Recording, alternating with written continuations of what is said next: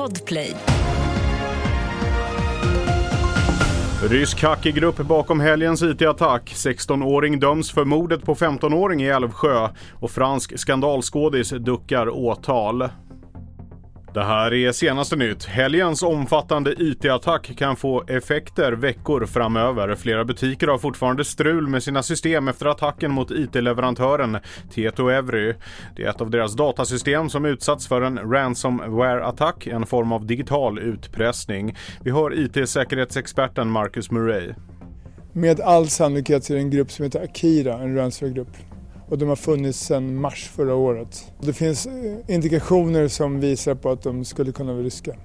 Vi har sett en trend att man i allt större omfattning attackerar just eh, IT-leverantörer eller tredjepartsleverantörer som påverkar i sin tur många kunder. Och det är för att kunderna sen kommer börja ställa krav på Tieto och då blir de mer benägna rent generellt sett att betala ransom. En 16-årig pojke döms till sluten ungdomsvård i tre år efter det uppmärksammade mordet på en 15-åring i Älvsjö i somras. Offret var på väg till en skolbal när 16-åringen väntade i hans trapphus och utdelade flera hugg med en grillkniv.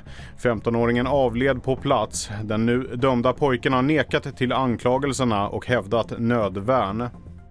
Anhöriga till de israeler som hålls gisslan av Hamas stormade tidigare idag landets parlament, Knesset. De krävde att premiärminister Netanyahu ska ändra strategi för att få hem de människor som kidnappades av Hamas den 7 oktober förra året.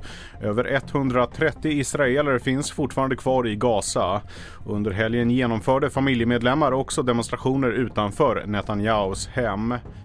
Franska åklagare har beslutat att inte väcka åtal mot Gerard Depardieu i det fall där skådespelaren anklagats för sexuella trakasserier av en kvinnlig skådespelare. Den påstådda händelsen ska ha ägt rum 2007 och därmed har preskriptionstiden löpt ut. 75-årige Depardieu har även anklagats för våldtäkt i två andra fall. Det ena har inte lett till åtal och det andra fallet lades utredningen ned 2019 men återupptogs året därpå. Jag heter Felix Bovendal och mer nyheter hittar du på tv4.se och i appen.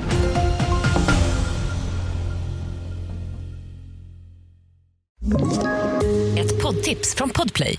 I podden Något Kaiko garanterar östgötarna Brutti och jag, Davva, dig en stor dos skratt. Där följer jag pladask för köttätandet igen. Man är lite som en jävla vampyr. Man har fått lite blodsmak och då måste man ha mer. Udda spaningar, fängslande anekdoter och en och annan arg rant. Jag måste ha mitt kaffe på morgonen för annars är jag ingen trevlig människa. Då är du ingen trevlig människa, punkt. Något Kaiko, hör du på Podplay. Därför arkadeinerna.